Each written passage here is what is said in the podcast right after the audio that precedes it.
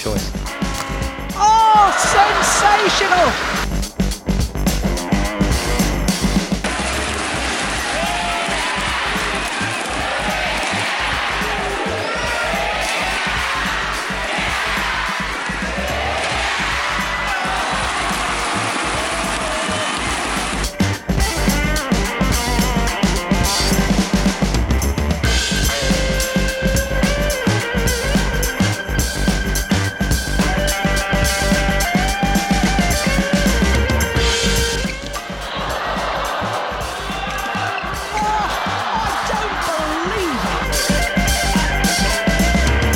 Ngeliat dari judul, kalian pasti bertanya-tanya dong, kenapa sih judulnya begitu? Bukannya lo kemarin mau bahas soal KPAI lawan PW Jarum ya? Eh, dengan tuduhan-tuduhan seperti itu yang sudah kalian baca di Twitter maupun di portal berita mana pun. Tenang aja, sebenarnya nggak akan jauh dari sini. Cuman gue tidak pengen kita ngebahas soal itu. Kita akan ngebahas lebih jauh tentang pembinaan atlet itu sendiri. Dan juga kita akan mengenal lebih jauh salah satu narasumber kita hari ini. Em, sebenarnya episode hari ini pun juga bisa dibilang bukan interview, namun lebih tepatnya obrolan antar dua orang yang sama-sama gemar badminton. Dan tentu saja di episode hari ini obrolannya mungkin agak sedikit ngalur ngidur, banyak lompat sana lompat sini, tapi tolong dimaklumi saja. Dan sekali lagi, lagi-lagi maklumi juga bahwa kualitas audio dari gue sendiri mungkin tidak akan sebagus audio yang datang dari narasumber kita. Kalau gitu, nggak usah lama-lama. Ini dia podcast Tepak Bulu episode ke-24. Eh, sorry, episode ke-23 bersama gue dan Om Smash Nyangkut. Ya, hari ini gue sudah ditemani oleh salah satu sesepuh badminton lovers di Twitter asik. Ngomong gitu sesepuh. Jangan sesepuh. Nggak Jangan mau sesepuh. sesepuh. Kesannya gue tua. Kesannya gue tua bangka banget gitu. ya tapi Masih Gimana? muda lah, gue masih muda, masih muda. boleh boleh boleh boleh. Kita turutin deh. Tamu ada raja, betul. Ada Om Betul. Cemes di sini. Halo Om. Yo yo yo yo, halo halo halo, baik baik baik. Eh, kesibukan. Baik, cuman agak sedikit terganggu dengan kemarin yang agak seru aja. Oh iya, tapi kita nggak mau bahas itu. Agak Jangan jangan jangan jangan, agak mepet-mepet boleh, tapi nggak nggak sampai ke topik itu. jangan lah. Biar yang lain, soalnya itu udah ada hukum segala macam, gue nggak ngerti. Betul, betul, betul Ngertinya kalau kalau bola masuk itu gue ngerti, challenge dua kali gue ngerti. Kalau hukum yang di luar itu gue nggak paham. Oh iya iya, betul betul. Bukan porsi gue. Cukup membahas apa yang di ranah kita saja, bener nggak? Betul betul betul luar betul. biasa. Tapi sebelum kita ngobrol ke yang nanti bakal gua tanya-tanyain, dan mungkin lo juga udah gua kasih kayak briefing lah ya gitu. Padahal bukan briefing sih, cuman list pertanyaan doang, kagak penting banget sih. Biar lah, ada ada technical termnya gitu lah. Biar orang Oke, ya ya. Ada ada tor, ada term of reference lah. betul sekali, betul sekali. Biar kedengeran serius kita. Yes, yes, yes, yes, yes. yes. Gila, Udah kayak mata Najwa aja. Ayo hidung mata Najwa. Iya, Gue hidung Najwa deh. mata udah diambil malah gitu ya. Yo, ya makanya. Ya, boleh, boleh, boleh. Mbak Nana kalau dengerin ini, maaf maaf ya. Cuma bercanda asli. Ya, Bercanda. semua orang siapa sih yang gak pengen kayak Najwa? Ya gak? Betul, betul, betul. Itu emang inspirasi setiap apa ya, orang-orang yang pengen jadi seperti beliau juga, gitulah kurang lebih. Tapi gue pengen nanya deh sebenarnya, nam, asal nama Smash Nyangkut tuh sebenarnya dari mana sih? Waduh, ini akan sangat filosofis gitu. Soalnya gue gue seneng seneng agak seneng baca filsafat. Nggak apa-apa. Jadi Nah, ini podcast, ini podcast. Nggak ada durasi. pernah, ya ya ya benar juga. Jadi gue pernah waktu itu pernah kayak sok-sokan serial tweet gitu. Zaman dulu kan belum bisa tuh tweet dibikin thread kan, belum bisa. Betul. Belum, belum, Nah, belum. dulu dulu gue sempat share sih, maksudnya beberapa kali gue share kenapa sih smash nyangkut gitu. Iya, Kenapa gue menggabungkan dua hal yang berlawanan gitu kan. iya, betul. Iya, memang, tapi kok nyang nyangkut gitu. Sebenarnya eh, asalnya sih iseng, jadi gue pengen bikin akun tapi apa ya gitu yang menarik. Terus gue iseng-iseng, oh kayaknya ini lucu juga gitu. Tapi ternyata dari kata yang lucu ini, gue akhirnya mikir, oh ternyata ini sebenarnya bisa bisa gue kasih pesan juga. Hmm. Sebenarnya gini, eh, kalau di dunia bulu tangkis, smash itu is a powerful thing kan. It's really it's really powerful shot. You Yes. have to train hard to it gitu kan. Lu harus lu harus bener-bener latihan kalau lu pengen smashan lu kenceng, lu harus latihan fisik, lu harus latihan apa namanya vertical jump yang yang yang which is biar gua kayak anak Jakarta Selatan ya. Eh, Yang which is anjay, yang which is itu kan it, it takes a lot of effort gitu butuh butuh butuh perjuangan yang gak gampang lah untuk bisa nyemes. But the thing is saat lu menggunakan power lu dengan cara yang salah, ya.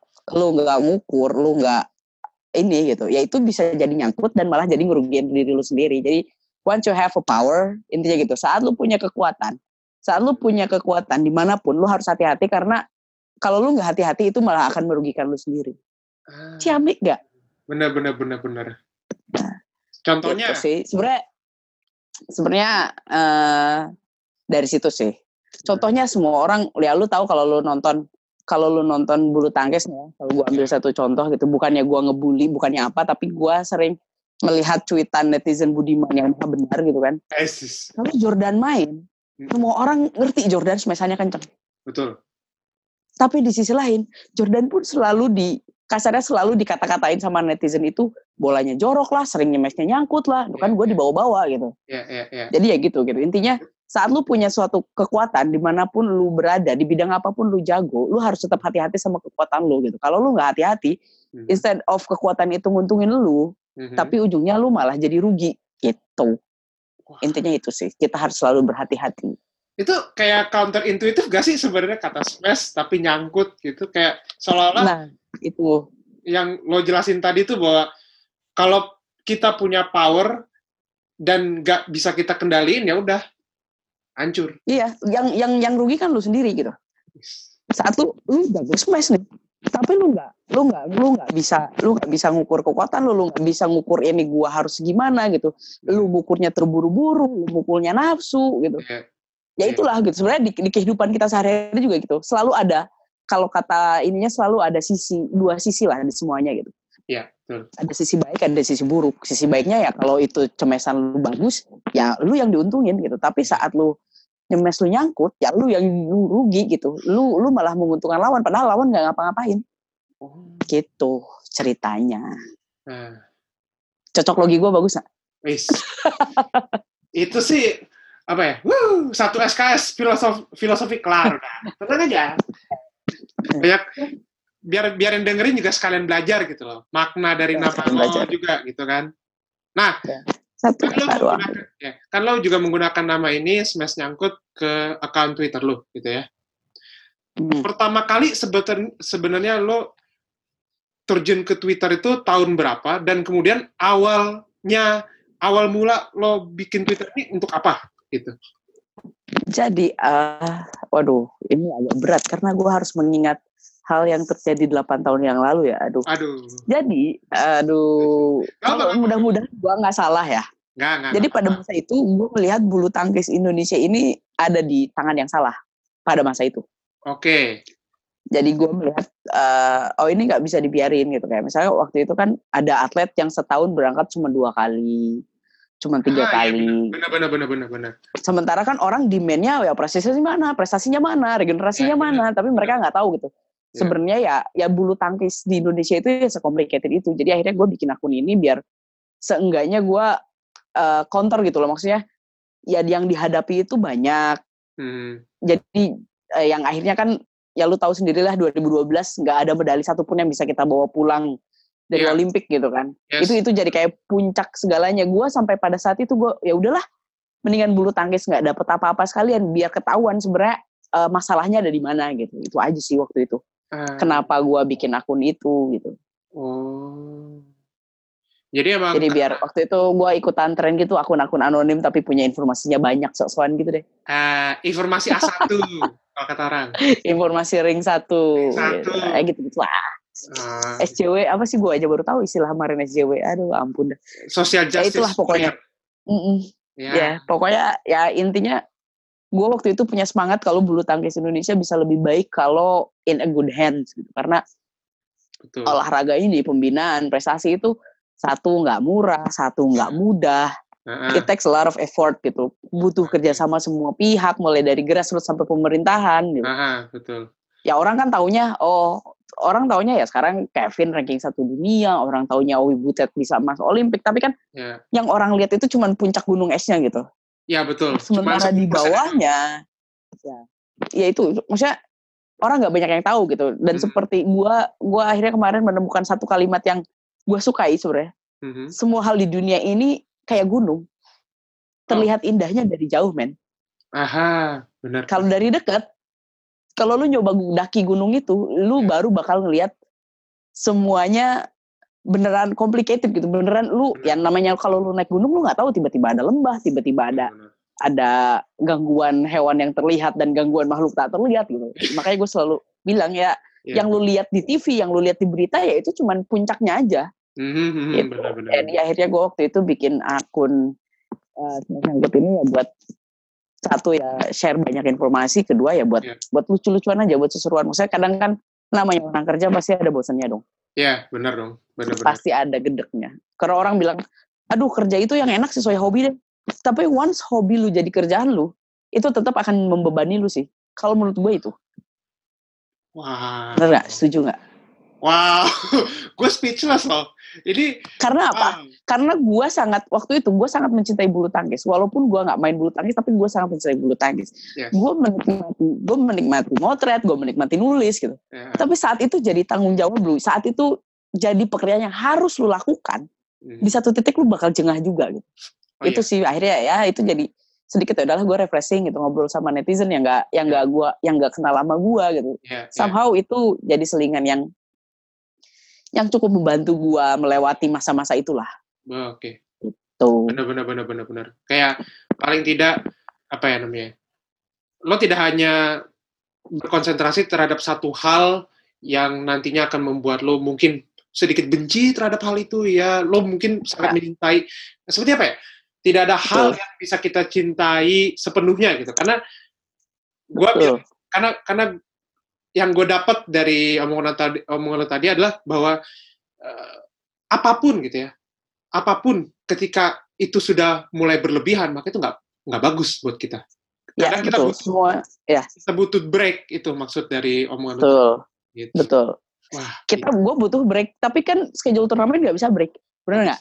betul Schedule turnamen nggak bisa break, Ya, kerjaan nggak bisa break. nggak bisa gitu jadi ya ya itulah. Makanya selalu bilang uh, lu uh, one of the best job is that you doing you get paid for what you love gitu ya. Memang Iya, benar tapi yang namanya pekerjaan Mhm. itu suatu saat akan menjadi tanggung jawab. Bukannya gua mengencourage bukannya sorry bukannya gua tidak mengencourage orang yang mau menekuni hobi itu bukan Ya, tapi lu lihat sendiri. Semua artis artis dari kecil pengen jadi artis. Saat mereka jadi artis mereka pasti ada di titik jenuh juga gitu. Benar itu itu itu pasti ada itu pasti Benar. ada. Ya lu menekuni hobi untuk untuk jadi jalan hidup lu is a good thing tapi tetap harus ada balancingnya lah. Iya, benar. Makanya kalau lu udah jadiin hobi hobi lama lu jadi kerjaan makanya lu harus nyari hobi baru. Yes. Itu sih saran gua. Benar banget. Betul banget. Gila. Gitu. Ini, ini baru berapa menit tapi obrolan kita waduh langsung apa ya langsung menyelam ke dalam gitu ya. Ini udah udah setengah setengah kedalaman palung nih gitu. Kita belum belum sampai ke bawah-bawah lagi sesuai yang pengen gua tanya ke lo karena tadi lu karena tadi lu gini lu nyinggung soal pembinaan atlet lu nyinggung soal em, apa yang kita lihat di TV apa yang kita lihat di berita itu hanya em, gunungnya aja gitu atau hanya tip of the icebergnya doang gitu ya? Betul ya. Lu ngomongin lu bukan ngomong lu nyinggung soal pembinaan atlet gitu ya? Betul. Seperti yang kita tahu di setiap olahraga pasti atlet itu udah dibina dari mereka umur taruhlah di bawah 10 tahun misalnya gitu kan? Betul nah kalau gue boleh tanya sebenarnya em, gini. Apa sih em, hal-hal gimana ya gue bilangnya kayak faktor-faktor yang membentuk seorang atlet itu sendiri mulai dari mereka kecil atau mungkin gue bilangnya gimana ya? Ini agak susah deh gue ngasih pertanyaan. Tapi gini loh. Kita ah, se- ini gini. Apa gimana? Jadi gini gue kan di apa di berita-berita yang udah kita lihat beberapa hari ini soal pembinaan atlet soal beasiswa apa beasiswa salah satu klub bulu tangkis yang tidak perlu kita sebutkan namanya. Semua orang sudah tahu. Semua orang sudah tahu yang kita tidak akan singgung secara lebih namun ini ada hubungannya dengan topik yang pengen gue omongin so, eh, pengen, gue omongin sama lo. Coba deh. Ya. Em, bisa nggak lo jelasin bagaimana sih seorang atlet itu seorang atlet itu dibentuk? Uh, Oke, okay. mungkin kalau untuk pembinaan atlet sekarang ini deh, gua gua pengen beranalogi gitu. Ya. Di sebuah perusahaan Yes. ada berapa CEO? CEO. Hmm, let's say satu misalnya. Satu Let's say misalnya. satu. Ya. Oke. Mhm. As- Ada berapa banyak orang yang bisa mencapai posisi CEO?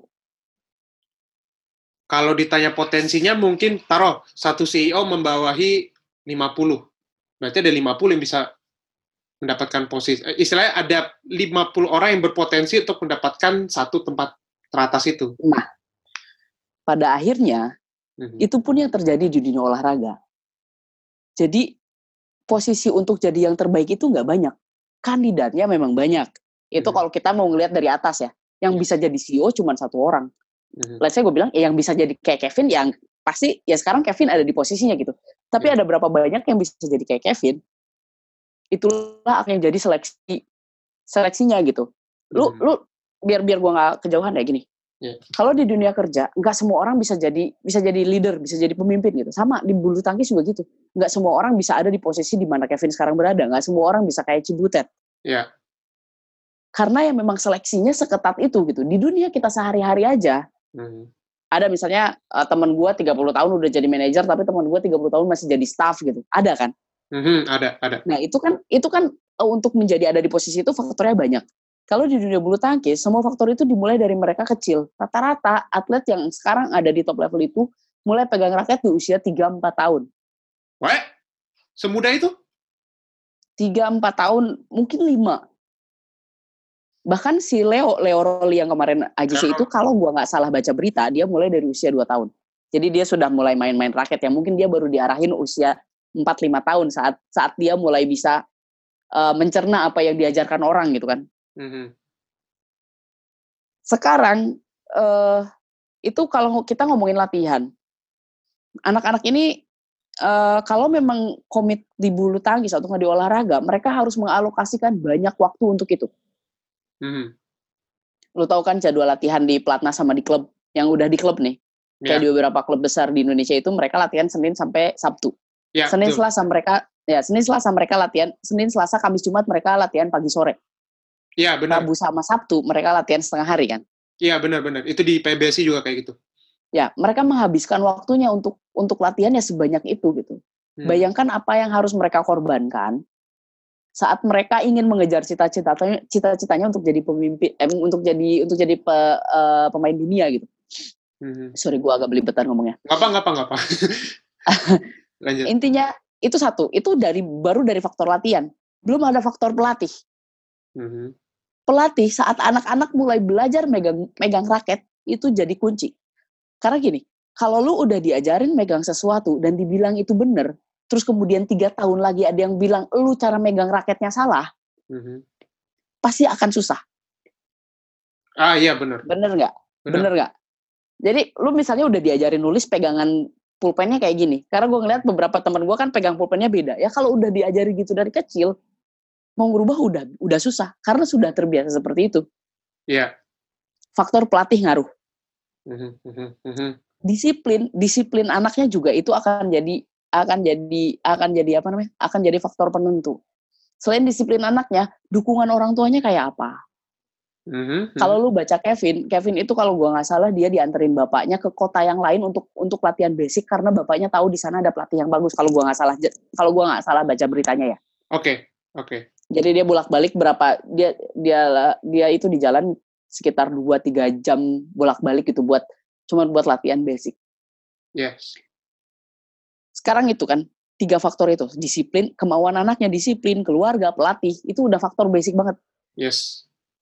Ketiga, eh kelima, udah kelima ya, lima. Eh, Bulu tangkis itu nggak murah.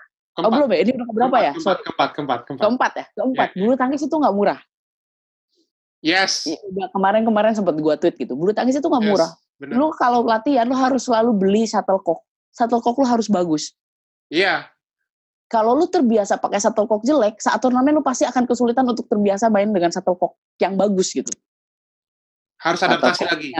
Iya, shuttlecocknya, raketnya, Mhm. terus senarnya, belum sepatu, belum celana, belum sewa lapangan, belum lu berangkat pertandingan, Iya. itu mahal. Itu baru di dasar. Let's say lu lu baru 8 9 tahun. Iya. Eh, turnamen itu mulai banyak usia eh, kalau di bulu tangkis itu bilangnya anak-anak. Sebelum habis anak-anak kan ada kelas pemula, pemula remaja, remaja taruna, taruna baru dewasa kan. Iya. Itu baru satu faktor. Mhm. Belum lagi kalau gua kembangin lagi, ini bisa bisa semalaman sih gua ngomongin ini. Nggak apa-apa. Mereka nggak apa-apa ya. Gue gue gue gue jadi ikutan kelas nih. Iya jadi jadi ya, ya let's say ini 3 SKS bersama Om Cemes lah. Yes, betul. Eh, nah Betul. itu kan itu itu gue baru ngomongin lu pendidikan dasarnya itu gitu jadi ya memang beneran butuh butuh kerja sama banyak pihak untuk baru menciptakan satu bakal atlet once mereka masuk klub Mhm. karena kan metode klub di Indonesia itu kan banyakannya ada yang bayar dulu gue mau latihan di misalnya let's say di di klubnya eh, salah satu klub gue harus bayar Ya. kalau lu tinggal di asramanya gue harus bayar lebih belum bayar pertandingan lu bayangin lah berapa banyak uang yang harus dikucurkan untuk untuk pendidikan awal lo Mhm, bener.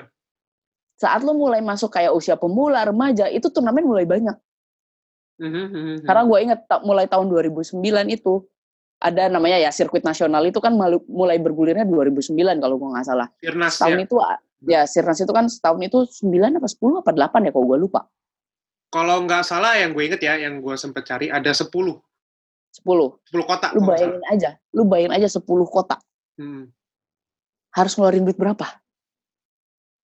Biar lu bisa ikut ke semua turnamen dan belum tentu lu hasilnya bagus. Mhm, mhm. Lu harus bersaing sama anak-anak banyak dari ya sama kayak ini lah, banyak ribuan ribuan anak lain yang pengen Iya. yang pengen jadi atlet bulu tangkis itu mereka harus berbagi mimpi dengan sekian ribu orang gitu. Iya, iya. Intinya kan yang menentukan la- lagi-lagi mereka bisa kerja keras apa enggak, mereka latihannya disiplin apa enggak, mereka kuat apa enggak sama apa yang harus mereka jalani. Lu bayangin aja men lu tiap hari Senin sampai Sabtu Hmm. lu bangun lu main bulu tangkis sebelum tidur lu main bulu tangkis Bener. kalau kita sekolah gitu maksudnya gua pagi sekolah siang gua masih bisa main sama temen gua Yes. bilang bilang yang ngerjain tugas padahal main bener nggak Aduh, ketahuan. Bener nggak? makanya Aduh. gue pagi sekolah siang gua pulang sore padahal gua main sama temen gua Iya, main iya. game lah apalah gitu kan Hmm. nah ini pun sebenarnya terjadi gitu anak-anak ini kan namanya bosen pasti banyak hal-hal di luar apalagi zaman sekarang handphone dipegang internet gampang gitu Hmm. Maksudnya lu lu gua gua yakin lah yang dengerin di sini bisa menghabiskan berjam-jam cuma buat scroll timeline di Twitter, scroll timeline di Instagram. Ya, netizen yang Itu lu budiman. bisa habisin berjam-jam gitu. Netizen Bacain budiman. komen terus lu ngakak-ngakak sendiri kan. Hmm. Bikin kalau ikutan komen sama nggak warasnya gitu kan. Ya kayak gitulah. Iya, Maksudnya- iya. Itu itu baru baru dari faktor pendidikan gitu. Terus kemudian kalau lu mau ngomongin kayak ya saat lu bertumbuh dewasa, saat lu remaja, di situlah lu mulai bandel. Yakin deh gua. Yes. gue tanya ke semua orang, lu mulai bandel umur berapa? Pasti umur-umur 13, 14 itu lu mulai ngakalin orang tua, lu mulai belajar bohong. Yes. Kecuali memang orang tuanya mengajarkan ya kamu tidak boleh bohong, tapi misalnya di, di, di apa-apain boleh. Bener nggak? Kita itu mulai ngakalin saat kita dilarang, bener nggak? Iya, bener. Ya kan? Saat kita dilarang, di situlah kita mulai ngakalin. Enaknya apa ya? Wah, gue nggak boleh main. Oh, bilang kerja kelompok ah. Bener nggak? Gue Kayak pernah muda soalnya. Iya, iya. Kita kita pernah muda. Kayak Udah kayak lagu. kita pernah muda.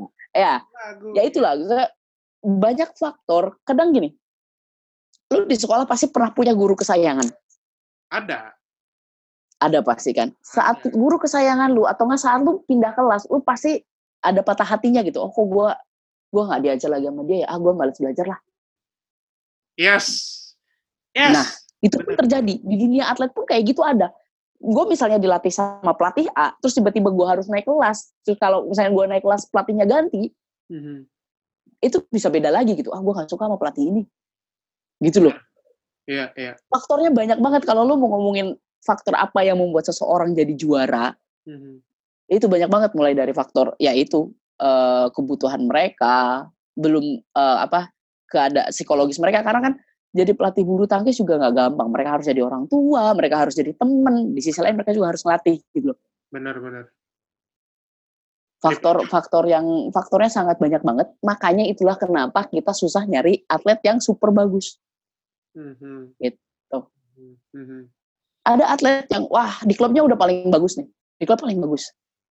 Masuk pelatnas dia malah jadi nggak pede. Aduh, kok gua nggak enak ya di pelatnas jadi beban. Mhm, mhm. Ada loh yang kayak gitu. Akhirnya dia hilang. Akhirnya dia hilang. Ya, ya, ya. Dia masuk pelatnas. Di klub dia biasa di dia biasa jadi jadi prioritas lah, selalu diperhatiin, apa-apanya diperhatiin gitu. Tapi saat masuk pelatnas, di pelatnas ada yang lebih diprioritaskan kan. Ada. Dia mulai ngerasa lah turun, ah kok gua nggak diperhatiin ya di pelatnas, ah gua mending di klub aja deh. Makanya ke, kalau lu pernah baca bukunya siapa namanya? Grit. Judulnya Grit, gue lupa siapa penulisnya. Oke. Angela Kan- Duckworth, Angela Duckworth, Angela Duckworth judulnya Grit. Itu di sana nyebutin kalau ternyata banyak faktor gitu, banyak faktor sebenarnya yang bisa menentukan seseorang untuk bisa sukses di bidangnya gitu. Mhm, mhm. Jadi kalau kalau kalau dia itu eh di dunia sekarang ini, si Angela bilang, di dunia sekarang ini orang terlalu banyak mengagungkan talent, bakat, bakat, semuanya harus dari bakat. Memang bakat itu salah jadi salah satu hal penting, tapi di sisi bakat itu ada namanya perseverance. Saat lu kegigihan lu itu di, diuji gitu. Benar. Karena saat kegigihan lu diuji, komitmen lu diuji gitu. Karena saat lu berkomitmen sama diri lu sendiri, di situlah lu baru bisa lu bisa menerapkan disiplin sama diri sendiri. Tapi kalau lu udah nggak komit, mau siapa pun yang yakin lu berdisiplin, lu pasti nggak akan bisa. Iya. Memang semuanya harus dari diri sendiri, didukung dengan semua yang ada di lingkungan. Nah, yang ada di lingkungan ini faktornya banyak. Mhm, Itu True power comes within. Betul banget. ya Iya. Betul. Ya sebenarnya kalau mau ngomongin ya kita nemuin Cibutet, Cibutetnya pensiun, kita nemuin Kevin, kita belum tahu kapan lagi kita bisa nemuin kayak Kevin, kita nggak tahu kapan lagi nemuin yang bisa kayak Markus, Iya. yang bisa kayak Racanok, yang bisa kayak Carolina Marin gitu. Kita nggak tahu. Benar. Karena faktornya itu sangat banyak mulai dari ya banyak banget lah kalau gua kalau jebrengin teknis mah gitu. Super banyak. Ya sama aja lah kayak misalnya gua nih sama temen gua gitu lulus kuliah barengan. Sekarang temen gua udah ada yang jadi eh, manajer ada yang baru jadi asisten manajer ada yang ada yang masih dari staff gitu kan. Itu kan berarti banyak faktor gitu yang mendukung apakah temen gua ada yang jadi manajer ternyata dia kerjaannya apa ternyata dia caranya adalah loncat-loncat perusahaan terus gitu. Ya, ya, ya. sementara yang satu lagi loyal di situ terus gitu pasrah gitu dikasih jabatan apa aja Iya. banyak lah faktornya gitu. Jadi kita nggak bisa nyamain timeline. Misalnya si ini udah usia usia peaknya dua satu dua dua. Mhm. sekarang kita nggak bisa. Baru aja Chow Tien Chen usianya 28 baru bisa juara gitu kan. Benar, benar, benar. sama di bulu tangkis juga gitu. Emang apa ya kalau gue kalau gue bilangnya gini em, saking banyaknya itu faktor sampai-sampai kita tidak bisa mengkuantifikasi faktor-faktor tersebut ke dalam faktor yang ditetapkan gitu. Artinya ya em, kayak lu bilang tadi bahwa em, Cibutet misalnya she's one one of a kind gitu.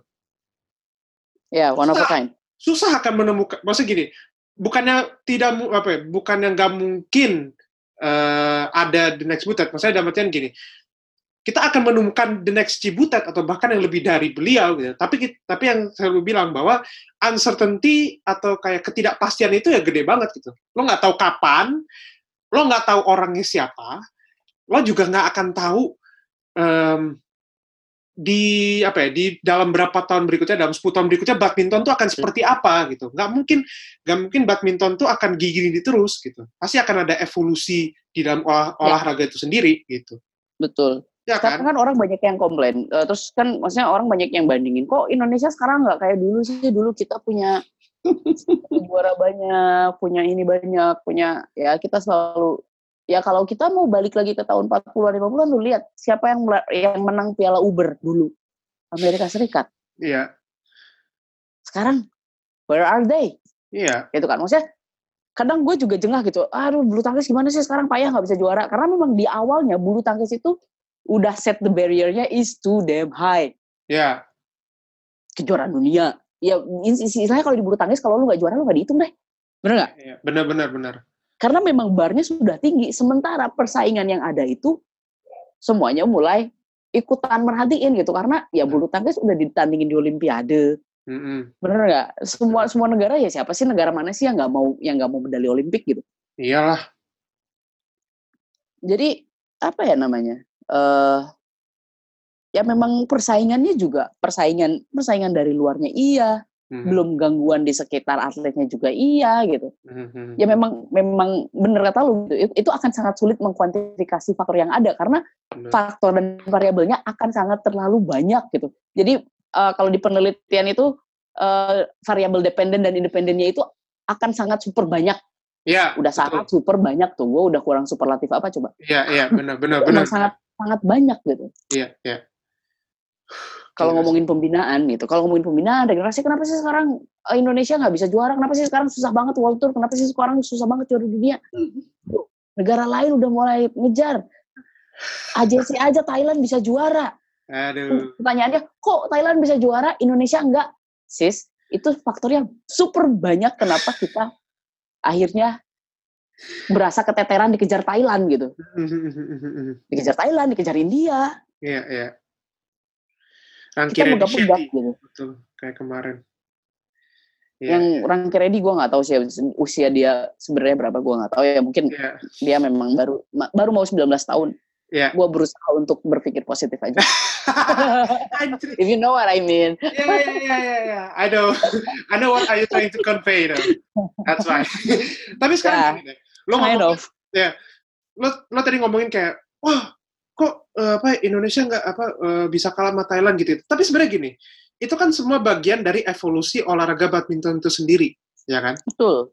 Menurut lo, badminton taruhlah 10 tahun ke belakang sama badminton sekarang, apa perubahan yang paling lo rasain? Sama satu lagi gini, menurut lo ini baguskah untuk badminton itu sendiri bahwa nggak cuma dari negara-negara Asia aja yang dominan sekarang, kayak Eropa pun bahkan persaingannya udah mulai ketat gitu maksudnya. Ya, iya. Eropa itu nggak pernah banyak tapi gigit. Dari dulu gitu.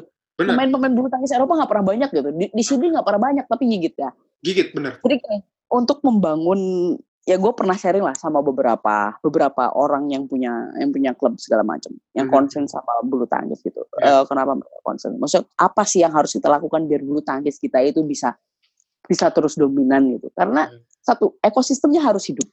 Yes. Ekosistemnya harus hidup. Sekarang 2009 mulai bergulir Sirnas itu karena apa? Dulu itu sebelum era Sirnas setahun itu turnamen di Indonesia itu cuma 6 biji. Kalau gua nggak salah.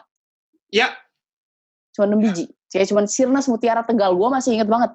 Sirnas Mutiara Tegal itu selalu di Tegal, di gornya yang super panas. Kalau lu pernah ke sana, belum. Tapi itu super panas men gornya. Oke. Itu di Tegal gitu. Tapi setelah kemudian bergulirnya Sirnas, orang mulai oh di bulu tangkis ini sekarang mereka anak-anak ini bisa punya punya punya banyak apa, kesempatan untuk nambah jam terbang. Ya, Bener nggak? Buat nambah pengalaman gitu. benar. Ya lu nggak akan bisa ngukur, lu nggak akan bisa ngukur eh, apa eh, pengalaman pengalaman sama kemampuan si atletnya kalau nggak lu nggak lu tandingin gitu kan. Benar, benar. makanya akhirnya adalah yang namanya Sirnas yang 10 seri setahun itu. Mhm, Dari situlah kan akhirnya berujungnya di Kejurnas. Benar.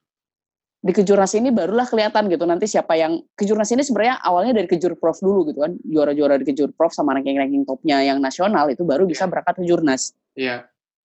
Nah, di Kejurnas ini ya mereka kan mulai mulai pressure mereka mulai tertekan mulai mulai ditambah nih. Mereka harus harus tanding level nasional gitu. Lu kalau memang lu kalau memang lu bagus ya lu harus bisa juara di sini gitu. Mhm, mhm. habis ke jurnas baru lu masuk pelatnas dan ya segala macamnya lah setelah gini setelah ekosistemnya hidup setelah bisnisnya ada setelah exposure-nya ada Hmm. medianya ada gitu diberitain ada yang bakal ngelirik siapa yang bakal masuk siapa sponsor lu tau lah dulu dulu Sirnas itu nggak ada sponsor penggandingnya tapi kemudian ada Fly Power lah ada Lining lah gitu kan Benar. terus ke jurnas tetap setia sama Yonex maksudnya bagi bagi bagi brand itu kan turnamen exposure itu maksudnya turnamen itu kan satu salah satu kesempatan mereka untuk untuk exposure brand gitu untuk untuk Benar. memperkenalkan brand nah, kasarnya kalau Yes. itu gua ngomongin penasaran ya Yes. satu ada event lo orang datang banyak gua buang duit nggak apa-apa ya itu bagian promo gua kalau di marketing kan gitu Yes. makin makin banyak orang tahu brand gua Hmm. eh, logikanya adalah makin banyak orang yang belanja Mm-mm. gitu loh saat turnamen rame orang rame main bulu tangkis orang banyak beli yang belanja bener nggak orang banyak yang spend di sana Mhm. itulah di sini model bisnisnya hidup gitu jadi memang ekosistem ini harus nah dengan dengan adanya sirnas yang rame ini lu tau lah akhirnya ada klub baru namanya Exis Ya, PBXis betul. karena ngelihat oh bulu tangkis rame nih bulu tangkis rame nih ah gue juga pengen lah gitu Mhm. karena sekarang siapa sih orang yang nggak yang nggak yang nggak pengen terkenal yang nggak pengen punya kemenangan gitu Iyalah. fame glory gitu kan orang pengen itu gitu Mhm. ya inilah makanya kenapa eh, kita bisa ada dapat klub baru klub lama terus Mutiara juga sekarang ditempel terus sama Cardinal gitu kan dan mereka juga punya punya apa punya pemusatan latihan yang yang yang yang yang cukup bagus juga gitu Yes. salah satu yang salah satu yang terbaik lah di Indonesia gitu Mutiara Jaya Raya Jarum eksis gitu siapa lagi sekarang yang dia ya sekarang ada Giant Clubnya ini terus Hmm. kalau kita nanya tangkas ke mana bener nggak Benar, benar, benar.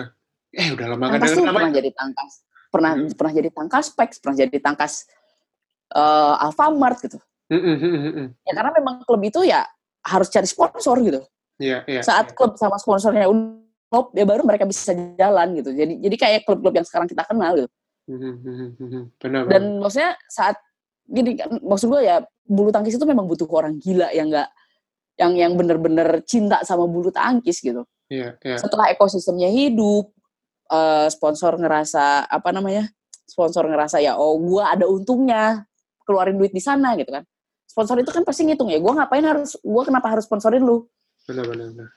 apa yang gue dapat kalau gue sponsorin kan gitu kan yang namanya sponsor mah gitu Iya. sorry Nggak apa, nggak apa. setelah turnamennya hidup barulah di situ orang berlomba-lomba wah gue juga pengen jadi kayak dia gue juga pengen kayak dia gue juga pengen kayak dia gitu Hmm. apalagi dengan hadiah bulu tangkis internasional sekarang yang puluhan ribu gitu ya sekarang siapa sih yang nggak mau lu seminggu main lima kali main terus Iya. seminggu turnamen lima kali main lu ngantongin duit 500 juta Gila. sekarang orang-orang yang mau nyari duit 500 juta seminggu lima kali main itu ya inilah yang di daerah gitu mereka lah yang akhirnya mencari klub mencari pelatih di daerah gitu Benar, benar. Balik modal lah istilahnya ya, gitu. ya ya balik modal cuman Balik modal. ya eh, untuk untuk bisa seperti di level seminggu 500 juta ya nggak gampang gitu Nggak aja gampang emang. Harus balik lagi gitu ya lu kalau memang mau ke sana ya lu harus kerja lebih keras Benar. kerja lebih pintar kerja lebih disiplin lu lebih berkomitmen gitu Seperti Tadi yang gue pernah, gimana ya? Sorry, gue potong dikit. Seperti yang pernah Ya. gue dengar di podcast salah satu account juga. Kalau nggak salah mereka, dia nggak interview Eko Widodo, kalau lo pernah dengar namanya. Hmm. Eko Widodo yang pokoknya beliau ini orang basket lah gitu. Tapi gue gue mengambil eh, apa ya bit dari interview itu dan gue Hmm. menghubungkan dengan apa yang lo tadi omongin bahwa ternyata Iya. ekosistem atau kulturnya harus di lebih digiatin lagi gitu kan? Harus dibangun dulu. Harus ya dibangun. sekarang orang gimana tahu bulu tangkis kalau berita bulu tangkis sepi? Benar. Ya orang gimana mau tahu bulu tangkis kalau bulu tangkis cuman ada di minggu-minggu tertentu di tempat tertentu gitu. Benar. Betul betul eh memang ekosistemnya harus hidup dulu. Dari situlah saat udah banyak orang di ekosistem itu baru nih sponsor juga ngelihat loh. Mhm. oh kayaknya untung nih gua kalau gua masang iklan di sana gitu. Iya. kalau gua sponsorin itu bakal orang banyak yang tahu brand gua gitu. Mhm, benar benar. Kalau ekosistemnya nggak ada ya susah. Yes yes. Berarti gini loh em, apa ya? Dari ekosistem itu kita membangun sebuah em, apa ya budaya gitu ya istilahnya ya betul kan se- kan gimana ya? orang Indonesia yang gua tahu yang gua yang lo juga kenal mungkin dari sahabat lo kerabat lo keluarga lo gitu kan Hmm. ketika mereka ditanya kat- ketika mereka dikasih kata bulu tangkis maka mereka kan akan menghubungkan dengan wah bulu tangkis Indonesia bagus gitu ya bulu tangkis Indonesia tuh udah terkenal gitu ya tapi Hmm. apakah lo melihat itu di dalam kehidupan sehari-hari bahwa orang-orang hidup dengan apa ya, dengan eh, darah bulu tangkis di ini mereka apa di tubuh mereka atau bahkan istilahnya kayak em, istilahnya kayak bulu tangkis sudah menjadi makanan pokok gitu dalam kehidupan kita. Karena gue melihat di sini bahwa sebenarnya bulu tangkis ya seperti yang lo bilang bahwa bu- bulu tangkis kita ini exposure-nya masih sangat sedikit gitu loh. Gak usah bulu tangkis kita deh bulu tangkis in general dibanding olahraga lain misalnya seperti tenis eh, exposure kita Hmm. kurang gitu kalau menurut gue ya Hmm. karena menurut lo gimana gitu? Menurut lo seperti apa? Apakah itu sudah eh, apakah eh, pernyataan itu benar bahwa ternyata bulu tangkis itu udah di apa udah di belak udah di luar kepala semua di luar kepala semua orang? Atau bulu tangkis itu cuman sekedar musiman aja gitu maksud gue kalau ngomongin sekarang Mhm. eh, ya orang siapa siapa sih orang yang nggak tahu Jojo? Ya. Ya nggak? Ya ya tapi kalau lo tarik 20 tahun ke belakang 19 tahun ke belakang Mhm. orang let's say sorry, let's say 30 tahun yang lalu itu kenapa bulu tangkis sebegitu terkenal dulu? Karena Aha. gue tahu bulu tangkis dari nyokap gue. Kenapa? Karena dulu itu di tayangan TV itu selalu ada bulu tangkis. Ah iya benar, benar. Either benar. itu weekend, bener nggak? Siapa tak siap? Maksudnya zaman dulu RRI, Icuk lah siapa gitu. Dari saat itu bulu tangkis itu selalu di broadcast gitu. Benar, benar, benar. Bener nggak? Tapi kemudian bulu tangkis sempat hilang kapan? Tahun 2000-an awal itu bulu tangkis Indonesia itu antara ada-ada nggak ada gitu. gue taunya dulu pertama kali kena bulu tangkis justru pas Olimpiade Sydney 2000. Umur gue masih lima tahun waktu itu. Tapi, Nah. ya, Lu lu lu melihat tahun 2000 gitu. Maksudnya ya, saat itu lu mulai kesulitan kan. Setelah tahun 2000 lu kesulitan melihat kan. iya, Paling lu nextnya adalah Olimpik Athena, Taufik Hidayat. ya itu. Selama empat tahun itu lu pasti lu pasti nggak inget lu pernah nonton apa aja. Yakin gua? Enggak, Enggak kan? kayak sama Nah. sekali. Jadi di awal tahun, seingat gua di awal tahun 80-an, 90-an itu bulu tangkis itu rajin diberitain, di broadcastin gitu. Mhm. Karena atletnya masih ada, terus bawahnya masih ada. Jadi setelah kayak zaman dulu, setelah Susanti ada Miaudina, setelah era eranya Alan, Arbi bersaudara gitu segala macam, ada Ricky Rexi. Nah dari situ kan mulai mulai hilang nih prestasi kita kayak mulai kebalap sama yang lain. Iya, Bulu tangkis di Indonesia seakan meredup. Gua waktu itu inget banget kenapa gua akhirnya lari doyan bulu tangkis karena waktu itu gua nyari berita tentang bulu tangkis itu setengah mati susahnya. yes, benar.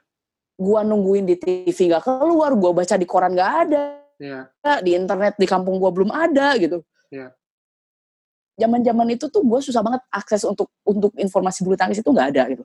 Nah, Mulai, nah makanya akhirnya mulai tahun 2009 itu 2000 2009 itu akhirnya ada Sirnas gitu. Seingat gua ya. Mhm. Sebelumnya itu terakhir kita itu di Beijing Olimpik, that's it gitu. ya, Sebelumnya Athena Olimpik, that's it. That's Gak ada it, lagi kan. benar. Paling ya, ya kalau lu inget setelah 2004 itu ada Piala Uber 2008 Mhm. sebelum Olimpik. Ya, that's ya, it. ya. Abis itu, abis itu ya udah Indonesia Open ya gitu-gitu aja gitu. Ya. Makanya akhirnya kayak semuanya harus mulai dari awal ya. Kalau memang lu mau rame orang yang suka bulu tangkis, orang mau mau mau merhatiin bulu tangkis banyak, banyak atlet yang mau jadi bulu tangkis, Mhm. ya caranya bikin bulu tangkis terkenal, bikin banyak turnamen Benar. Benar. gitu loh. Nah sekarang turnamennya sudah ada, atletnya sudah banyak, ya tinggal milihnya ini, Mhm. milih milih satu atlet satu atlet remaja di antara 100 atlet apa nggak susah? Huh. Milih satu atlet dari 32 orang atlet yang masuk ke jurnas apa nggak susah? Atlet ini misalnya nggak juara, Nah, tapi ternyata berapa tahun kemudian dia yang juara, apa nggak susah prediksi itu? Wow. Iya, iya, iya. iya. Sekarang nih, dia di Taruna menang terus, tapi setelah ternyata setelah dia lewat usia 17 tahun, ya sebelum 17 tahun dia juara terus nih. Tapi Hmm. setelah 17 tahun dia nggak juara-juara. Apa nggak susah? Nyari tahu kenapa nih anak nggak bisa juara. Iya. Ya, se- ya, se, ya seribet itulah gitu. Kalau kita dia, kalau misalnya kalau kita sekolah kan kita mah gampang, tinggal ujian. Lolos ujian ya udah. Iya, benar. Tapi ujian pun di, di, diprotes banyak orang karena banyak yang pintar nggak lolos ujian. Ya, Bener nggak? Betul, betul. betul banget. Nah, Makanya gue bilang akan sangat tidak fair untuk menilai satu atlet yang potensial dari hasil satu turnamen. Iya, benar. Sama aja kayak kita mau lulus sekolah, gue pinter, gue ranking satu selama gue 11 semester sebelum lulus gitu. Tapi Hmm. saat gue mau gue ujian akhir gue gagal. Apa itu adil? Logikanya gitu aja. Logikanya, kalau kita boleh mainkan Logikanya logika gitu gitu. aja gitu. Benar, benar, benar, benar. Sesulit itulah gitu nyari nyari ya ngomongin pembibitan, regenerasi segala macam. Hmm. Terus kemudian kalau kita mau ngomongin regenerasi, main bergu.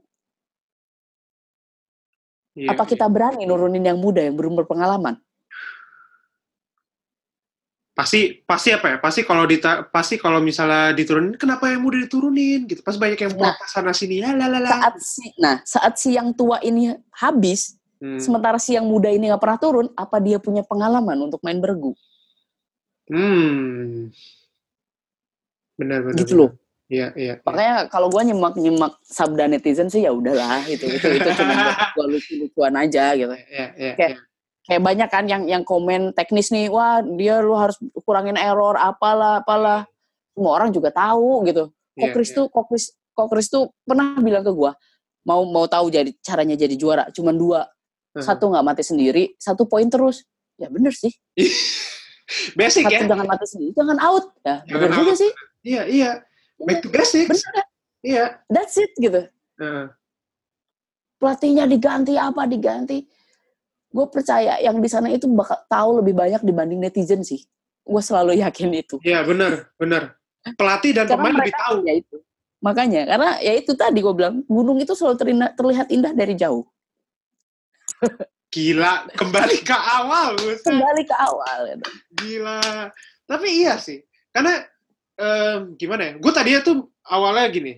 Eh, ini bukan-bukan aja. Gue tadinya awalnya mau bikin episode buat besok tentang Jarum sama KPA, KPAI gitu ya. Hmm. Dan gue pikir, oh ya udahlah, gue mungkin coba untuk cari apa? Cari info sebanyak-banyaknya, cari info dari kedua sisi, Hmm. pro ada yang kontra gitu ya. Nih jadi kita agak Ya. nyambung situ, tapi gue nggak mau nyambungin ke permasalahannya, ya kan? Ya. Karena kita benar-benar, karena gue pengen fokus ke si pembinaan sebenarnya. Ya. Ya. Ya kan?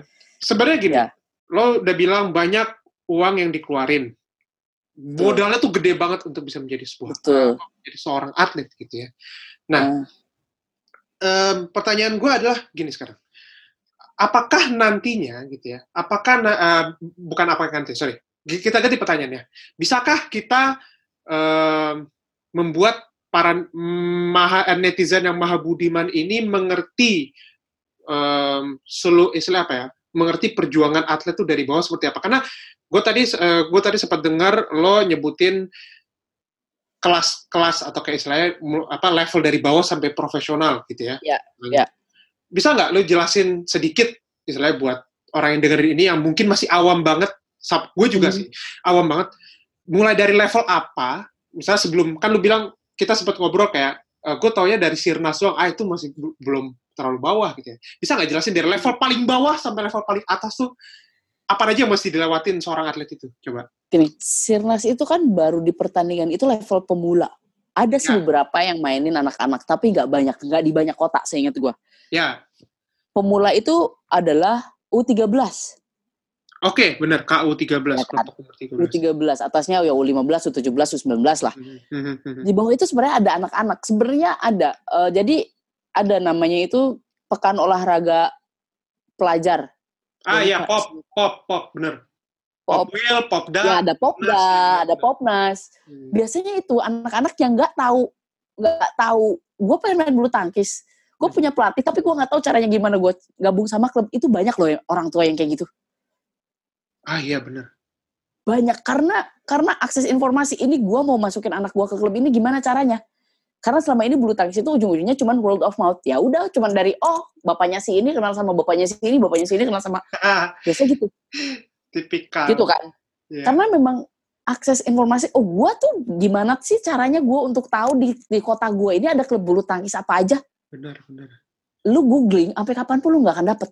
Bener, bener, bener. Nih gue potong dikit ya, gue potong dikit. Boleh. Gue pernah ngobrol sama Malik Basri, kalau lu pernah, kalau lu tahu beliau tuh siapa, Hmm. ya kan?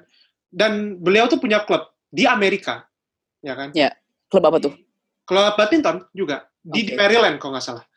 Beliau tinggal itu. Dan dari yang lo omongin tadi benar bahwa ternyata em, apa ya, kalau di Amerika atau di negara Eropa misalnya, lo cari aja nama klub apa gitu misalnya, klub badminton ini. Nemu pasti di Google.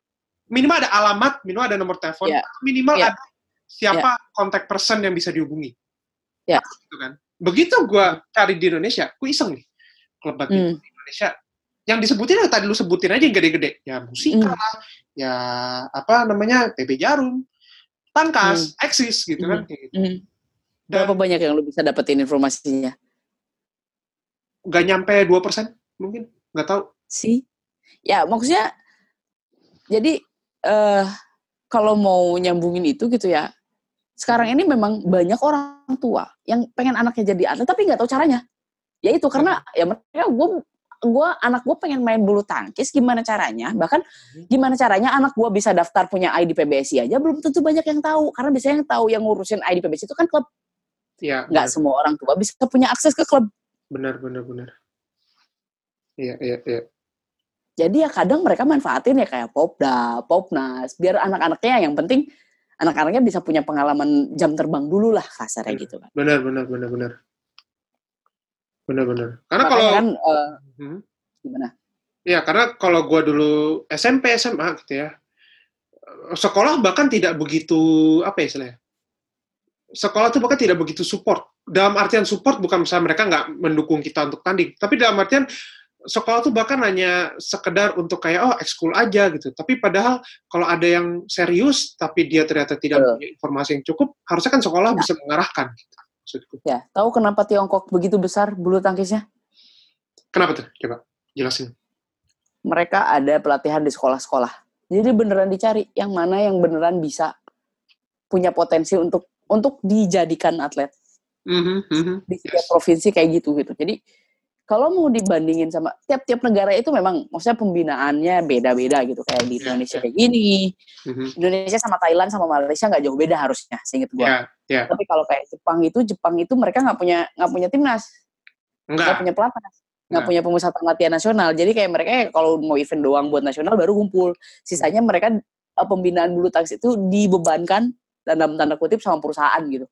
Iya, benar. Kayak Unisys misalnya si Nah kayak Unisys, kayak Renaissance gitu kan, kayak Hitachi. Hitachi Ya benar. semuanya statusnya karyawan gitu. Karyawan. Ya, ya, ya, benar, benar, benar. Itu di Indonesia kan ya di Indonesia ya sistemnya yang ada seperti ini gitu. Ya Aha, aha. atlet bulu tangkis dibina oleh klub, klubnya ada yang mandiri, ada yang enggak, Mhm. ada klub yang masih masih setengah mati nyari nyari nyari nyari apa namanya? nyari dana untuk biar dia tetap hidup karena kan sewa gor nggak murah Ya, beli ya, shuttlecock nggak murah gue bilang lagi belum mereka Hmm. harus bayar pelatih gitu Iya. gitu kenapa sih regenerasi wah udah sih ini jelek buang aja sih ini ngapain sih di pelatih gini gini Aduh. bro iya. sih, kalau mereka memang udah ada gantinya yang lebih baru mereka ya mereka itu udah udah sort sortir yang terbaik yang kita punya gitu Benar, benar. Ya didukung saja gitu loh Ya, benar, benar, benar.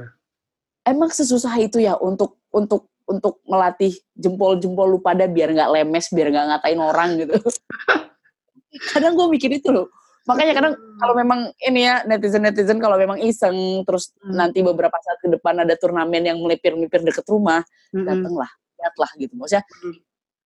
mereka itu udah udah ngabisin waktunya waktu remaja di mana kita bandel-bandel ketawa-ketawa gitu main main-main gak jelas mereka itu udah tahu mimpi mereka itu apa gitu kadang gue juga kadang gue juga amazed gitu sama anak-anak kecil ini yang mereka tahu dari kecil mereka tahu mereka mau jadi apa. Benar. lu umur 8 tahun lu umur 9 tahun lu masih lu mau jadi apa? Eh, menjadi presiden menjadi pilot gitu. Halu gitu. Mereka oke gue pengen jadi juara dunia Hmm. bagi gue ya bagi mereka mungkin ya itu juga halu gitu jadi juara dunia juga halu tapi mereka possible ngejar ke sana gitu. Nah gue waktu kecil cita-cita jadi presiden kerjaan gue bohongin emak gue kan gak nyambung gitu. Ya, ya, ya. gitu loh. kadang gue juga ya mereka itu sudah berani berkomitmen di usia mereka yang sangat muda mereka sudah harus terbiasa dengan kekalahan dengan kekecewaan gitu loh. Ah, ah, di saat usia mereka yang sangat muda gitu. Sementara lu dibilang nggak boleh main aja udah nangis. Bener gak? Netizen bener nggak? gimana? Bisa dijawab? Hmm. Udah, kita nah itu dia maksudnya net- kita lihat aja nanti uh, komennya netizen Iya. gimana gitu maksudnya benar. Biarkan mereka berasumsi seperti yang udah kita sebut Iya. Iya. eh, ya gitulah gitu maksudnya kadang gue aneh sih maksudnya is it that hard to respect people gitu yang sudah bekerja keras Benar, benar. karena gue I saw it myself gitu anak-anak ini kadang nggak jarang mereka nangis kalah nangis Iya. masih dimaki-maki sama pelatihnya Iya, iya. Iya, iya, iya. ya mungkin orang nggak percaya udah nggak mungkin lah gitu mungkin lah nggak mungkin lah Iya. but for your information ada beberapa pelatih yang yang maksudnya kata-katanya itu sama kayak apa yang dibilang netizen itu ada Oh. Ada ada gitu nah, ya itu kan gaya gaya gaya pelatih lah kayak kayak zaman gua dulu sekolah Ah. kalau kalau guru gua marah gampar ya gampar gitu Iya, tendang ya iya. tendang gitu Iya, iya. I've Nggak been ada there. yang rekam dan laporin ke polisi kalau dulu kan Iya, iya, iya, iya. Gue gue juga pernah di posisi itu. karena memang ya karena memang zamannya memang sudah beda sih gitu. Iya, iya, iya. itu sih ya ya pesan gue sih ya lu mainlah ke ke turnamen-turnamen kecil Benar. yang ada kalau lu sempet gitu Eh, Benar, benar, benar. Nah, itu kan jam lu bilang nih Jadi ya ada pertanyaan lagi nih. Zamannya beda. Ya kan, zaman Hmm. dulu dan zaman sekarang. Menurut lo gini, pemain zaman dulu sama zaman sekarang kan pasti nggak bisa dibedain ya. Misalnya, artinya lu nggak bisa membandingkan eh, pemain lama dengan pemain ah dulu pemain lama lebih kuat, lebih Nggak apa. bisa, nggak bisa. Gitu. Karena permainannya juga berubah. Iya, benar. Dulu tuh bulu tangkis itu beauty loh. Maksudnya lu lu ngeliatnya tuh jadi kayak seni gitu. Kalau sekarang kan bak buk buk buk yang penting Bener, bener, kenceng, yang penting tinggi. Ya Bener. nggak? Benar-benar. Kalau lu bandingin lu nonton Haryanto Arbi, Alan zaman dulu, Bener. atau bahkan Lius Pongo, atau Ya. bahkan lebih mundur lagi ke belakang Lin Swiking, Speaking. itu akan sangat beda saat lu lihat lihat Chen Long main, lihat Mhm. Kento Momota main gitu. Ya. Benar, benar, benar, benar. Karena memang udah beda gitu. Dulu poin rally, dulu sekarang eh sorry, dulu poin nggak rally Ganti poin kan, sekarang rally poin. Ganti gitu. bola dulu. Ganti bola dulu, belum kalau ganda ada bola satu, bola kedua gitu. Benar, benar, benar, benar, benar. Kalau sekarang ya lu mati poin lawan udah. Ah, ah, Gitu. Benar, benar, benar, benar. Jadi ya memang bergeser gitu. Makanya kalau wah dulu Indonesia jago. Ya kalau ngomongin fisik, pemain Indonesia banyak yang kuat gitu. Tapi kalau ngomongin pukulannya kenceng apa enggak, kita harus balik lagi ke salah satu hal yang paling penting, nutrisi makanan. Hmm. Eropa makannya apa? Indonesia makannya apa? Ya. Anak kecil bandel dikit makannya micin. Gimana? Hmm, benar. Gitu loh. Benar, benar, benar. Iya, iya, iya, iya. Banyak sih, banyak faktor yang beda. Karena dulu kan persaingan juga nggak kayak sekarang. Hmm. Lu kalau mau lihat dulu tuh drawing All England itu kayak cuman berapa orang gitu. Ya, ya, Sementara ya. sekarang All England sampai kualifikasi, eh All England sekarang ada kualifikasi nggak sih? Gak ada, gak ada. Ya? Sekarang super, Tiga dua doang ya? super, Langsung main round ya? Benar, super 750 sama super 1000 udah langsung main draw. Main round doang ya? Nah, Mhm. sekarang itu ya lu harus stop dulu baru bisa main di turnamen gede gitu. Lah dulu mah pemainnya aja nggak ada gitu. Mhm, mhm, mhm, Benar. Kalau gua kalau nggak salah lihat gua pokoknya pernah ada satu turnamen besar itu drawnya cuma 16. Ah, itu, itu Masih ada yang buy. Berarti langsung quarter. benar, benar, benar, benar. Itu di mana ya? Dulu Mhm. Cina belum main. Ah, ya benar. Cina Belum belum. seserius sekarang. Belum. Jepang juga ya masih Korea juga ya segitu-gitunya. Sekarang kalau lu mau balikin pemain Korea pada ke mana? Mhm. Iya. Korea itu used to be one of the badminton powerhouse loh. Benar. Sekarang mana? Indonesia Open kemarin aja nggak ada pemain Korea. Benar, benar, benar. benar. Yang ada India. Mhm. Lu lihat India, Superliganya kayak apa? Mhm, mhm. PBL ya? Kontrak- Kontrak pemain aja mereka berani buka. Benar. PBL. Berarti ya badminton is a big a big thing di India gitu setelah kriket. Ya. Setuju. Iya kan? Itu. Setuju. Ya bulu tangkis di Indonesia is a big thing after soccer. Benar, benar, benar. Di Thailand setelah ada Racanok, Eh, mereka mulai melihat oh kita punya potensi nih di bulu tangkis. eh. Pemasalan eh, ada istilahnya nama pemasalan. Pemasalannya sekarang mereka bagus. Ya kejadian lah aja saya kemarin mereka yang juara kan. Iya, benar. Si siapa View? View, Kun Lafut Sarn. Itu bagus banget sih, gila. Gua gua ngelihat dia 3 4 tahun lalu gue yakin nih anak bakal bagus. Gila.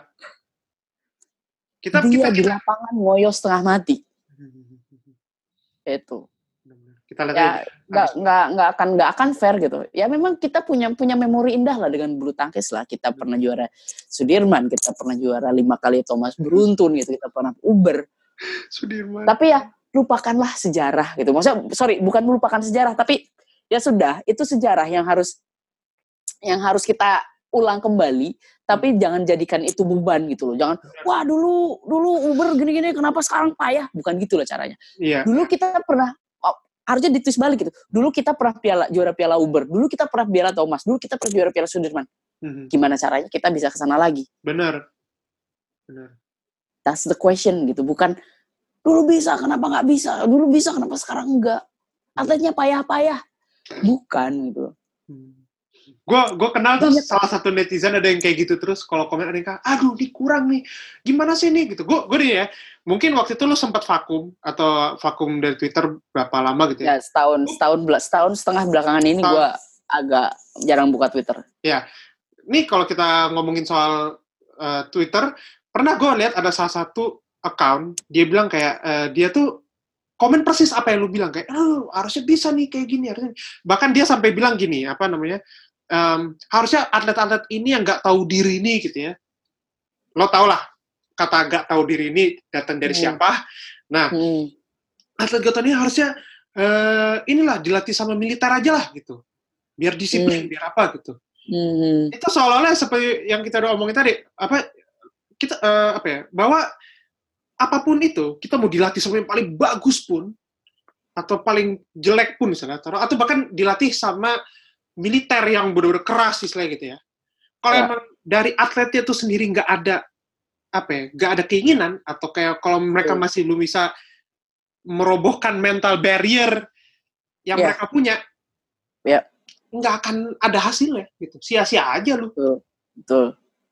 Ya gitu gitu kayak kalau lu main ke Sirnas nih lu bakal lihat nih. Kalau main ganda Mhm, bisa aja di lapangan itu nih anak berdua mhm, pasangan nih mhm. bisa kagak teguran di lapangan. Yang satu bete gara-gara temannya mati mulu. Ah iya, iya, iya, iya. Lah gue bilang, lah lu gimana mau mau mau lawan dua orang di depan sementara lu yang di samping lu lu jadiin musuh juga. Iya benar-benar. Gitu loh. Sekarang ya misalnya kalau komen netizen segala macam gitu ya ya gue sih cukup terhibur gitu. ya lucu aja gitu. Ya, ada yang sampai ada yang sampai ngasih tahu teknis wah jangan terlalu banyak ini bolanya silang apa gitu kan. Eh, jangan banyak terlalu diangkat segala macem lalalalalala di lapangan itu kadang pelatih itu mungkin lu sering dengar sering dengar maksudnya beberapa kali lu besar bolanya silang angkat apa segala macam tapi kadang kalau udah di lapangan itu pelatih itu kadang cuma bilang ayo bisa ayo ayo semangat Ya, ayo. benar, benar, benar, benar, that's it. Karena kalau udah di lapangan hal benar, teknis itu kadang yang bisa yang bisa ngalahin diri mereka sendiri gitu kan benar, maksudnya benar, benar, salah satu lawan di lapangan itu selain musuh yang di seberang net adalah diri mereka sendiri gitu. Gue pernah denger ini. Makanya tuh selalu bilang, Mhm. Hmm. Apa? Lu pernah gue selalu bilang salah satu salah satu pendampingan psikologis buat anak-anak itu penting. Kenapa? Karena itu itu salah jadi salah satu jadi faktor kunci gitu. Ada anak latihan bagus, kalau latihan sama apa aja nggak pernah kalah. Tapi kalau di lapangan tiba-tiba dia memble. Benar. Karena nggak semua orang mentalnya sekuat itu gitu. Belum ditambahin lagi sama netizen budiman kan? Benar, benar, benar, benar, benar. Mereka bilang ini bukan ini bukan bully, ini kritik. Hah? Lu siapa? Ngomong-ngomong kritik, lu siapa? Pecinta tangkis, lu siapa? Kayak gitu lah, maksudnya ya gue sih lucu gitu, tapi ada gitu orang sepeduli gitu mengalokasikan waktunya untuk ngetik kalimat yang sangat banyak yang Iya, belum tentu dibaca gitu kan. Yang baca gue, iya. Yang punya kita kita juga ujung-ujungnya. iya yang baca ya. Akhirnya berantem sendiri di komen gitu kan. Ah, benar, benar, benar. Aduh. Gitu. Iya sih. Ya, lah. gimana ya? Soalnya obrolan pertama gua em, sama Mas Malik Basri ini, beliau juga bilang Hmm. kalau udah di level atas itu semua pemain hampir sama kemampuannya, Betul. eh, tekniknya, stamina nya juga. Tapi yang membedakan adalah eh, faktor non teknis itu sendiri, bener. Betul. Ya makanya Kayak waktu- kenapa Hmm, kenapa di Istora itu pemain Indonesia kadang tiba-tiba jago gitu. mhm, Tenda Weni bisa perunggu mhm, kejuaraan dunia, Jojo bisa juara Asian Games gitu. benar, benar. Karena ya banyak faktor di luar teknis juga yang sebenarnya menentukan mereka jadi mereka bisa bisa menang pertandingan apa enggak. Yes, yes, benar. Yang nomor sekiannya itu luck. Harus gua akui yang nomor sekiannya itu adalah keberuntungan gitu. Tapi kan di depannya banyak faktor gitu. Ya, benar, benar. benar. Dia bisa tahan fokusnya apa enggak, dia bisa terus konsen apa enggak. Hmm, Karena apakah dia bisa beneran konsen di di tempat dia berada sekarang? Kadang kan kalau atlet kayak kalau lu sering nonton pertandingan gitu kadang ada tiba-tiba habis mereka lakukan satu kesalahan, mhm. terus mereka hilang poinnya banyak.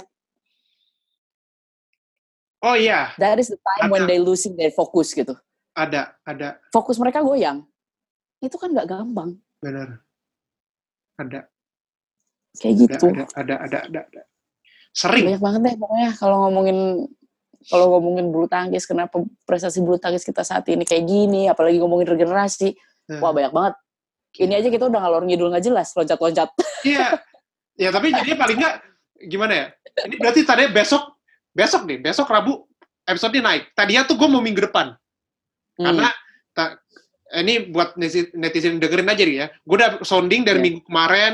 Eh kita bakal ba- bahas KPI sama Jarum nih. Kagak jadi. Sorry ya gitu. Sama, udah ribet. ada hal-hal yang lebih penting lah. Ada Maksudnya ada hal yang ada hal yang penting yang lebih Benar. yang lebih kalau menurut gua lebih penting untuk diketahui banyak Benar. orang lah dibanding dibanding kegaduhan yang terjadi belakangan ini. Maksudnya Benar. gaduh antara antara salah satu klub yang ya salah satu klub yang kontribusinya besar gitu Mhm. sama sama komisi yang memang tugasnya itu juga gitu Ya, ya. ya, Lebih- ya. Banyak yang lebih penting ya. Itu lebih penting lah kayak Betul. I think people should know how how we found an athlete gitu. Nggak nggak kayak oh dia juara kejurnas nggak segampang itu. Maksudnya kejurnas itu sudah menyeleksi ribuan atlet yang punya mimpi untuk jadi juara gitu loh. Benar. Benar. Itu lebih penting sih kalau menurut gua karena Ya. kita kita bakal ngomongin kalau kalau lu mau breakdown lagi Hmm. mulai dari menu latihan, porsi latihan, apa yang mereka makan, latihan fisik mereka gitu. Mhm. Itu banyak banget variabel yang bisa lu gali sebenarnya. Iya. Iya. Iya. Gitu. Kalau Kalau ngomongin fisik lu bisa sama Kak Felix, mungkin kalau lu mau ngomongin kayak eh, medis lu bisa ke dokter Carmen kalau lu punya akses ke sana gitu. Mhm. Ya banyak lah yang bisa lu yang bisa lu gali di episode mendatang gitu. Di episode mendatang. Anjir. Ya banyak lah. Bener sih. Karena eh, gimana ya?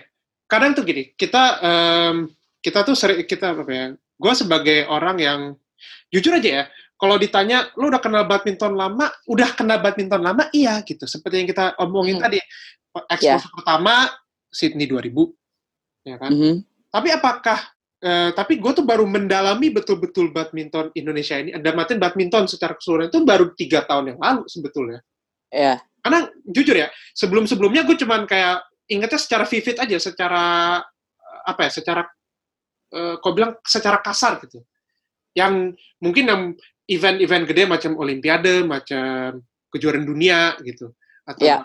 kayak mungkin Indonesia Open di tahun berapa gitu yang seru tapi ya Hmm. untuk tapi gimana ya Em, pertanyaan gue nih kalau sekarang buat orang-orang yang baru mendalami badminton gitu ya apa yang harus mereka siapkan?